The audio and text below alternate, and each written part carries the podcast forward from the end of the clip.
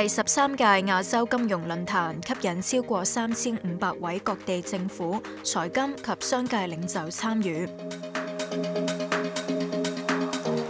因应现时挑战，今届论坛以重塑增长、创新、突破、共融为题。泰國財政部長喺主題演講環節上，以該國初創企業股票市場闡述觀點。The third exchange uh, will cater to startups, smaller SME, the uh, MMSME, and so on. But it will not only serve as an exchange for fundraising, it will also serve as a development platform for startups. So I'm sure that there will be a lot of opportunities for uh, Hong Kong in terms of investors, private equities, venture caps, and also for our business operators, the SMEs, the smaller guys, the startups to connect. 大会邀请唔少经济同财金界翘楚喺论坛上演讲。 美国联邦储备局前主席耶伦博士喺论坛首日嘅午餐会上探讨央行来年嘅政策方向。 I think the U.S. economy is actually doing just fine right now. After raising interest rates toward a kind of neutral level, certainly they would be prepared to cut more um, if it seems to be necessary to keep the expansion going. There's been a trend over many decades all around the world for central banks to become independent and taken out of politics, but it's very unusual to have a president who criticizes the Fed as much as President Trump has. 二零一九年諾貝爾經濟學獎得主阿巴希巴納吉喺論壇第二日嘅午餐會暢談普惠金融。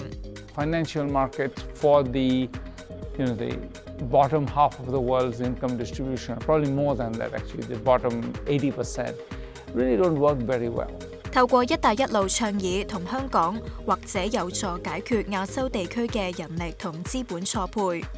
Belt and Road Initiative, in a sense, is bringing people into the market, and that's a that's an extremely innovative idea. There is lots of missing opportunities in the financial markets, and Hong Kong is close by, especially to you know a lot of the poorer parts of Asia. I do think that something would come out of it. 全球贸易及供应链融资嘅演进，同金融与科技可达至全球增长新阶段，系论坛上多个讨论环节嘅焦点。 Pretty clear that the rule book is being rewritten as we as we sit here today, uh, and certainly the job of Standard Chartered is just to try to find a way to continue to extract the, the, the value from for society from global trade, without leaving quite so many people behind. There's the mechanics. Uh, once the trade is taking place, how do we make sure that it's happening as, as frictionlessly as possible?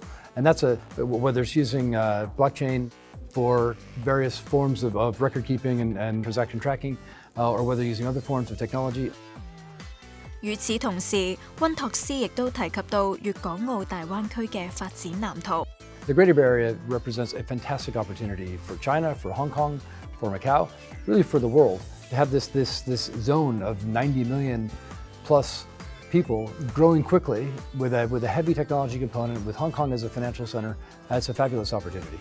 论坛期间嘅活动环节包括创新对话、AFF Deal Flow 投资项目对接会、全球投资机遇专区、金融科技专区咁等企业同各地代表建立联系，携手筹划相关嘅商务策略。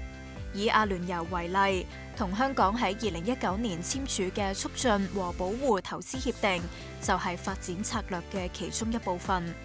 And we in the UAE are planning to develop further the financial services. And, and Hong Kong being a hub to that and the Far East and a hub to really attract talents. Uh, we feel that this treaty really enhances the cooperation further. We have seen one of the sovereign wealth fund opening up their offices in Hong Kong and we encourage the private sector to capitalize on this treaty as well.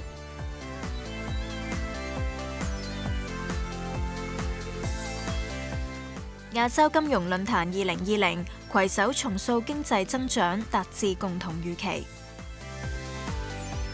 I think this is a real platform that connects the business with the talent, talented people.